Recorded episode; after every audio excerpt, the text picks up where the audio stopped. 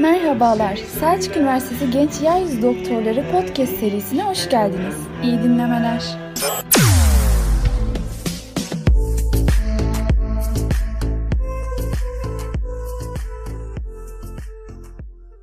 Herkese merhaba arkadaşlar. Podcast serimizin yeni bölümüne hepiniz hoş geldiniz. Bugünkü konuğumuz Selçuk Üniversitesi Tıbbi Mikrobiyoloji Anabilim Dalı'ndan doçent doktor Salih Maçin. Hocam sizinle yaptığımız bir önceki podcast'imiz çok beğenildi ve bize tekrarını yapmamız için çok fazla talep geldi. Size de bizleri kırmayıp yayınımıza katıldığınız için çok teşekkür ederiz. E, açıkçası ben çok teşekkür ederim davet ettiğiniz için. Öğrencilerle geçirdiğim her bir dakika, her bir saniye benim için büyük bir şeref, büyük bir mutluluk ayrıca. Gerçekten akademide olmamın en büyük sebeplerinden biri de sizlerle birlikte olmak. Çünkü enerjiniz, motivasyonunuz bizi de çok derinden etkiliyor. Ve gerçekten sanki üniversiteye geldiğimden beri ruhumun eksik parçası tamamlanmış gibi oldu. Sizlerle bir arada olmak, sohbet etmek, e, çeşitli derslerde da etkinliklerde bir arada olmak inanılmaz bir mutluluk. Ben teşekkür ederim. İyi ki geldiniz. Hoş geldiniz.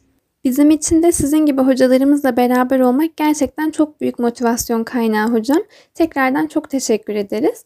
Biz öncelikle sizi biraz daha yakından tanımak için soyadınızın anlamını sormak istiyoruz. Maçin ne demek hocam? E, maçin aslında e, kendim de küçükken hep sorgulardım. Maçin ne demek, maçin ne demek diye.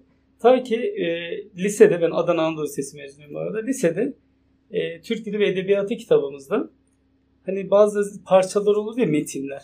Altında bilinmeyen kelimeler. Orada kendi soy ismimle karşılaştım. Maçinin anlamı ulaşılması zor olan, keşfedilmemiş olan. Edebiyat, Türk Edebiyat kitaplarının kullanımı da örneğin Hun Prensi prensesini Çin'den Maçin'e kadar aradı. Keşfetmeye, bulmaya çalıştı. Hani bilinmeyeni bulmaya çalışmak, aramak, bir arayışta olmak. Belki benim seyahat tutkumun bir yeri de oradan geliyor olabilir yani. Şöyle yeni yerleri keşfetmek ya da bulmaya ya da anlamaya çalışmak. Hocam seyahat tutkunuzdan bahsetmişken şunu da sormak istiyorum size. Dünyayı gezmeyi hayal ettirecek bu tutkunuzun özel bir sebebi var mı? Aslında e, yani dışarı çıkıp insanları sorduğunuz zaman yaklaşık 100 kişiye en az 70-80'i gezmeyi çok seviyorum der. Ama kimse yola çıkmaya cesaret edemez. Ünlü bir filozofun bir lafı vardır. Tüm güzel hikayeler yola çıkarak başlar diye. Gerçekten o arabamın kontağını ilk çevirdiğim andaki gideceğim rotalar, onların heyecanı beni inanılmaz etkiler. Ee, şöyle söyleyeyim, hani Stendhal sendromu diye bir şey vardır bilirsiniz muhtemelen. Hani bir sanat eseri ya da bir şehir, herhangi bir tablo karşısında nefesiniz kesilecek kadar etkilenmek. Ben ilk gördüğüm şehir mesela Budapeşte'ye gitmiştim. İlk gittiğim yerlerden biridir. İlk o köprüyü, başkanlık sarayı gördüğümde heyecandan ne bileyim o o heyecan tarif bile edemiyorum şu anda gerçekten. Ya bence hayatımız bir rutinden oluşuyor. Sabah 8'de işe geliyorum, 5'te eve gidiyorum. Bir rutin içindeyim. Ama rutinin dışına çıkıp kendimle baş başa kaldım ya da kendime zaman ayırdım. Nadir zamanlar işte bu zamanlar. O yüzden olabildiğince bu zamanları arttırmaya çalışıyorum gerçekten. Ve daha güzeli ben açıkçası en büyük korkum yalnızlıktır. Asla ve asla hiçbir yere yalnız gitmem. Çoğu arkadaşım ya çocuk çocukla gidilir mi, gezilir mi, şey yapılır mı? Hiç önemsemiyorum. Arka koltuğa koyarım iki tane çocuk koltuğu. Ve benim daha küçük kızım yürümeyi bile bilmezken onlarca ülke gezdik. Çünkü onlarla güzel. Gerçekten paylaştıkça güzel. Yani onların yüzündeki mutluluğu görmek beni de mutlu ediyor. Hani benim tıp 3'teyken böyle hayatın anlamını sorgularsınız da bazı komitelerden önce. Hani nedir, niye çalışıyoruz, niye yoruluyoruz diye. O zaman vardığım sonuç buydu. Mutlu olmak mutlu etmektir. Ve öncelikle çevrenden, önce kendinden, kendinizi bir kere fiziksel ve ruhsal olarak huzuru bulmuş olmanız gerekiyor. Daha sonra aileniz, yakınlarınız ve tüm çevrenizi o işe saçmanız lazım. Yine Mevlana Hazretleri'nin çok sevdiğim bir lafı var. Mutluluk parfüm gibidir der. Önce kendine sıkmalısın ki başkaları da faydalansın. Ya ben bunu da şahit ediyorum gezilerinde. O yüzden genelde ailecek giderim. Ya da Hacettepe'de çok sevdiğim dostlarım vardı. Kafa dengi böyle beraber gezmeyi seven, yeni yerler keşfetmeyi seven. Ee, çok güzel gezilerimiz oldu. Ve çok şey öğrendim. Açıkçası ben Adana'nın o dar sokaklarında büyümüş, hani belli kalıplar olan biriyken bir anda daha evrensel düşünebilmeyi, ne bileyim kendimi daha iyi tanımayı belki de. Öncelikle kendi içsel yolculuğumuzu aslında yapmış oluyoruz. Sadece bir yerler görerek değil, kendimizi de görüyoruz belki de bu gezilerimizde. Ve birçok yabancı arkadaş edindim. Onların açısından da hayata bakabildim. Ve çok güzel bir duygu. Gerçekten. Ya şu pandemiden dolayı bu yıl hiçbir yere gidememiş olmanın baskısı üzerimde var. Ama olsun sağlık olsun. İnşallah güzel günler yakındır. Göreceğiz. Peki hocam bu kadar şehir, ülke görmüş, farklı insanlar tanımış biri olarak Türkiye dışında başka bir ülkede yaşamak isteseydiniz nereyi tercih ederdiniz? Ya açıkçası bana bu soruyu şu şekilde de soran çok oldu. Hocam yabancı dilleriniz de var. Neden Türkiye'de hala yaşıyorsunuz ya da çalışıyorsunuz? Ya bunu çok samimi söylüyorum. Hani lütfen yanlış anlamayın. Gerçekten ülkemizi çok seviyorum. Yani Adana'nın kebabından tutun şırdanına, kokoreçine, tantunisine, ya ne bileyim Karadeniz'in hırçınlığına, Ege'nin dinginliğine her şey benim için kesinlikle çok güzel. Yani o yüzden Türkiye'yi bunu çok samimi söylüyorum. İnanın cümle aleme değişmem. Hani gezdiğim ülkeler içerisinde beni en çok etkileyen, hani Türkiye'de olmasaydı şurası olabilirdi diyeceğim yerse İtalya olurdu. Çünkü orası da açıkçası biraz ülkemize benzettiğimde. Yani açıkçası ben Palermo'nun sokaklarını, Sicilya adasını her gezdiğim gün Adana'daymışım gibi hissederdim. Sokağa çamaşır asan teyzeler mi dersiniz, sarı ışıkta geçmeye çalışanlar mı dersiniz? ya da çok bizim gibilerdi ve açıkçası Türk olduğum için en ufak bir hani ne bileyim önyargıyla da karşılaşmadım. Sicilya adasındaki insanlar ya da işte İtalyanlar gerçekten o konuda bize daha böyle yakınlar Akdeniz insan oldukları için. E tabi deniz hani Akdeniz malum adası. E, ve İtalyancadan gelen bir şey belki İtalyanlar çok coşkulu insanlardır. Ve onların o coşkusu, samimiyeti. Mesela benim ev arkadaşım. Biz aylarca beraber kaldık. Antonio Guerrero diye bir öğretmendi.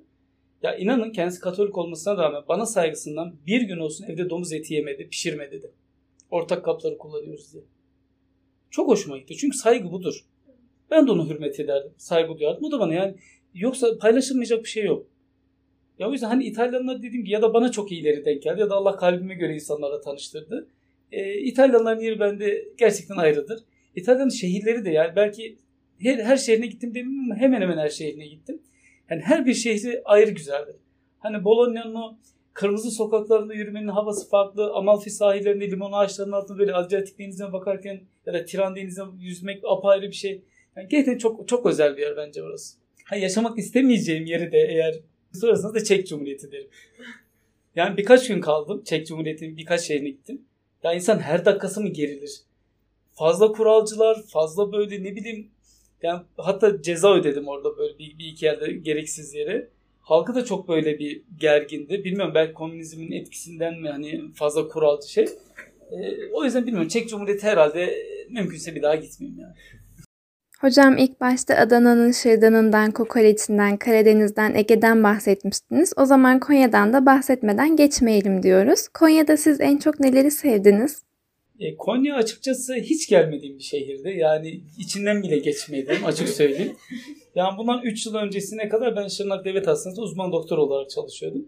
Tabii malum ben Şırnak'ı da çok sevdim. Güzel zamanlar geçirdik. 3 sene orada hizmet ettim. Tabii oradan sonra Konya'ya gelince böyle gözüme bir Paris gibi göründü. Devasa bir şehir, düzenli yolları, işte düz ova. Ben bisiklet sürmeyi de çok severim mesela. Yani Şırnak malum biraz dağlık olduğu için pek süremiyorum. Hani Konya gözüme gerçekten güzel göründü ve ben Mevlana'yı severim. Hani e, halka ile ilgili dediğim gibi olumsuz hiçbir fikrim yok. Çünkü hiç bulunmamıştım. Ha 3 yıldır yaşıyorum. En azından biraz fikrim oluştu. Sevmeye başladım açık söyleyeyim. Hani böyle bir önyargılarım falan yok. Yemek kültürü tabii biraz farklı e, nasıl desem hani çok alışık olduğum gibi değil. Hatta biraz kilo aldım geldiğimden beri. Artık etli ekmekten midir başka bir şeyden midir bilemiyorum. Ama, ama konu güzel. Yani gittikçe alıştık diyebilirim. Hocam İtalya'daki eğitiminiz ve seyahatleriniz için sizin de dil öğrenme konusunda çabalarınız olmuş. Bizlere dil öğrenme konusunda neler tavsiye edersiniz? Ya açıkçası arkadaşlar dil eğitimi e, hani oturup yazılıp çizilerek öğrenilecek bir şey değil. Yaşayan bir kavramdır dil. O yüzden erken yaşlarda başlamak çok çok önemli. Ee, ben kendi adıma e, tabii şeyde ortaokul lisede çeşitli İngilizce derslerimiz oldu. Onlardan ziyade bol bol elimden geldiği kadar kitap okurdum ben. E, o çok çok faydasını gördüm. Herhalde İngilizce hazırlık sınıfında inanın abartmıyorum 100 tane kitap okumuş olabilirim. Çok samimi söylüyorum. 100 tane kitap okumuş olabilirim. Kitap okumayı çok severdim. E, tıp öğrencileri de bence İngilizce makaleler okuyabilirler. Ya da işte bazı malum platformlarda izledikleri diziler var. İngilizce izleyebilirler. Ama bunların hepsi bir yana dil gerçekten yerinde öğreniliyor. Örneğin ben İtalya'ya ilk indiğimde sıfır İtalyanca öğrendim. Ama orada yaşamaya başladıkça mesela pazar alışverişi yapacağım. Domates verir misin diyemezsiniz. Pomodori per favore demeyi öğrenmeniz gerekiyor. Hani dil biraz da zorunluluktan ve yaşayarak öğreniliyor. O yüzden hani yurt dışına kesinlikle çıkmalarını öneririm. Çünkü oradayken öğreniliyor o ihtiyaç, o mecburiyet. Mesela benim ev arkadaşım İtalya'daki tek kelime İngilizce bilmezdi. Ben my name is Salih dedim. O Mickey ama Antonio dedi ve dedim tamam. Güzel günler bizi bekliyor. İkimiz de tek kelime bizi anlıyor. Ama o mecburiyetten o İngilizce öğrenmeye başladı. Ben İtalyanca öğrenmeye başladım. Hani yaşayarak öğreniliyor. O yüzden yurt dışına mutlaka çıkabiliyorlarsa çıksınlar. Bu kariyerleri için zaten iyi. Ayrıca dil eğitimleri için de iyi. E, kitap okuyabilirler. İşte izledikleri dizileri İngilizce okuyabilirler. E tabi kurslarında faydası olacaktır. Tavsiyeleriniz için çok teşekkür ederiz hocam. Peki bu çalışma temposu içerisinde kendinize vakit ayırdığınız zamanlarda neler yapıyorsunuz? İlgilendiğiniz bir spor dalı veya hobi var mı? E, evet var. Benim e, Hacettepe'de hocam hep şey derdi. Biz hekimlerin kesinlikle bir spor dalıyla ilgilenmesi gerekir derdi. Çünkü malum hani yoğun bir tempomuz var.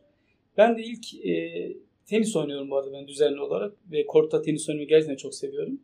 Bu fikir de bana birinci sınıftayken tıp 1'de final sınavı bitmişti. Hani bir boşluğa düşersiniz ya 2-3 ay bir tatil. Ve o dönem e, ben de işte hani ne bileyim şey yapan tabii ki futbol maçlarına gidiyoruz hani halı saha maçları vesaire ama televizyonda bir tenis maçı gördüm oynanan. Çok hoşuma gitti. Ya bir yerden başlamalıyım dedim. Ve o gün e, benim eskiden bir küçük bir motosikletim vardı. Ben üniversitedeyken gezinirdim. Sevdiğim küçük bir şeyim vardı. Hemen atladım. Paramın yettiği kadar bir raket aldım. Ve mühendislikte okuyan bir arkadaşım vardı. İlk maçımızı o gün beraber yaptık ama top bir türlü kortu bulmadı. Sürekli sağda solda geziniyordu. Olsun biz gene güldük, eğlendik. Yani kendi kendimize eğlendik öyle söyleyeyim. Tabii gittikçe profesyonel dersler aldık. Oynamayı ilerlettikçe. Çok iyi geliyor bir hekim için. Çünkü stresli bir günün sonunda o korta inmek, biraz koşu yapmak, temiz havayla iç içe olmak. O rakete vurduğunuz zaman böyle 2000 Newton'la falan vuruyor yaklaşık. Tüm stresin sanki şöyle kolunuzdan rakete akıp gidiyor. İnanılmaz bir his. Ve pandemi döneminde de en güzel spor. Çünkü o kadar sosyal mesafe var ki rakibinizle arada. hani öksürseniz bile hasta edemezsiniz. E, o açıdan öneririm. Tabii başka sporlar da yapılabilir ama benim şahsi olarak ilgilendiğim. Ha bisiklet sürmeyi de severim. Bir ara hevesten Avrupa'daki hocalar gibi bisikletle gidip geleceğim ama e, kısa süre yapabildim. ama yine de tabii bisikletle sürekli onunla beraber geziyoruz. Hani işe gelmesen. Peki hocam tıp okumasaydınız başka hangi bölümü okumak isterdiniz veya yapmak istediğiniz başka bir meslek var mıydı?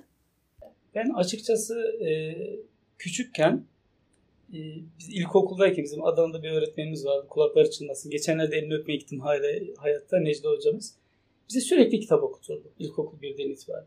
Kitap okuma yarışmaları yaptırdı. Her kitap okuduğumuzda bir sarılıp öpüşü vardı. Biz 7 yaşındaki hiç unutmam o öğretmenin o sarılmasını. İşte o günlerden başlayan e, bir kitap okuma arzusu başladı. Ve tabii artık abim evde kitap yetiştiremez oldu. Abim de lisedeydi o dönem ve bana tarih kitaplar vermeye başladı. Ay tamam artık evde kitap da al şu kitabı. İkinci, hiç abartmıyorum, ilkokul 2'de genel Türk tarihi, inkılap tarihi, hatta birkaç ansiklopedi tarihle ilgili bitirmiştim. İnanılmaz bir tarih aşkı vardı. Yani ilkokul 4'te ilk sosyal bilgiler dersinde hoca Hunlarla başlamıştık. Yani Metehan'la ilgili bir saat konuşmuş. Yani üyeçilere esir düşmesinden tutun da üvey annesinin ihanetine kadar. Tabii ben bunları masal zannediyorum. Yani ilkokul 2'de okuduğum masallar gibi görüyorum ama tarihmiş neyse. O yüzden bir tarih öğretmeni olma isteğim vardı.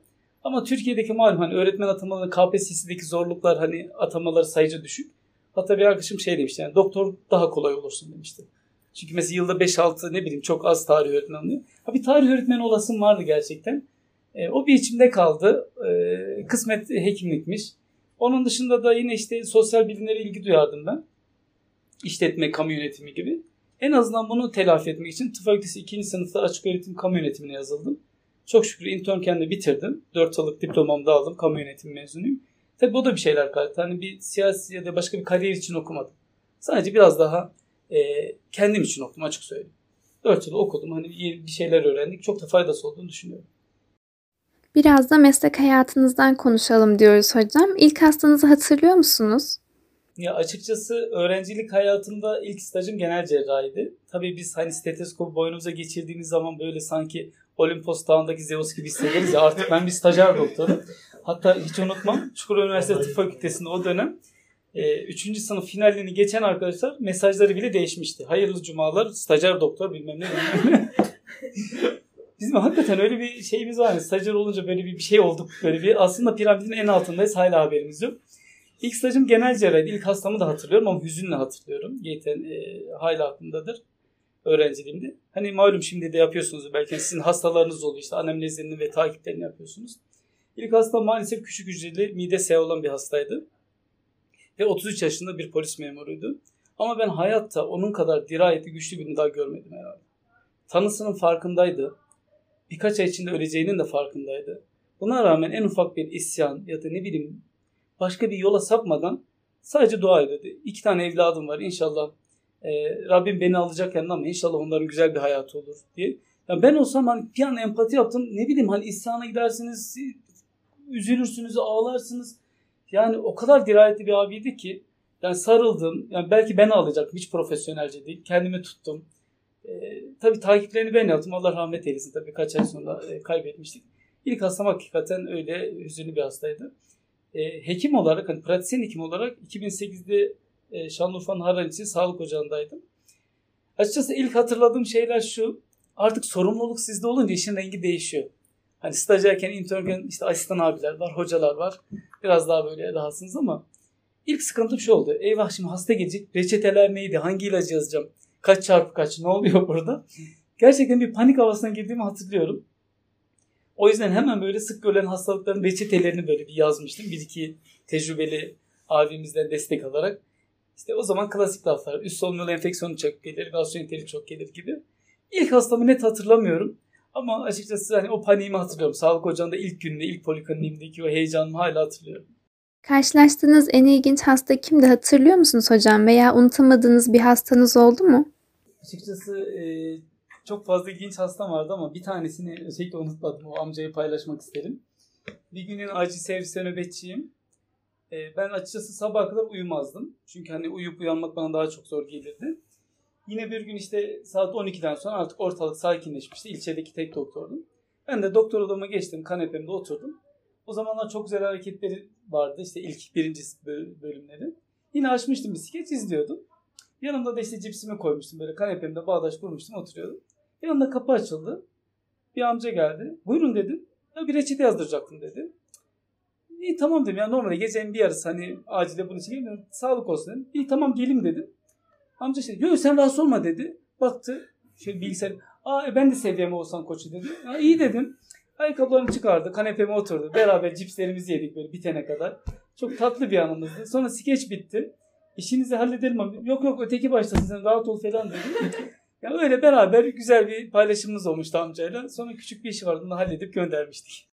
Umarız bundan sonraki meslek hayatınızda bu kadar eğlenceli geçer hocam. Bize vakit ayırdığınız için biz çok teşekkür ederiz. Çok teşekkür ederim. Ayağınıza sağlık. Biz Salih hocamızla her konuştuğumuzda çok keyif alıyoruz ve hayatın her alanında yeni şeyler öğreniyoruz. Umarız sizin için de çok keyifli bir bölüm olmuştur. Bir sonraki bölümümüzde görüşmek üzere. Hoşçakalın.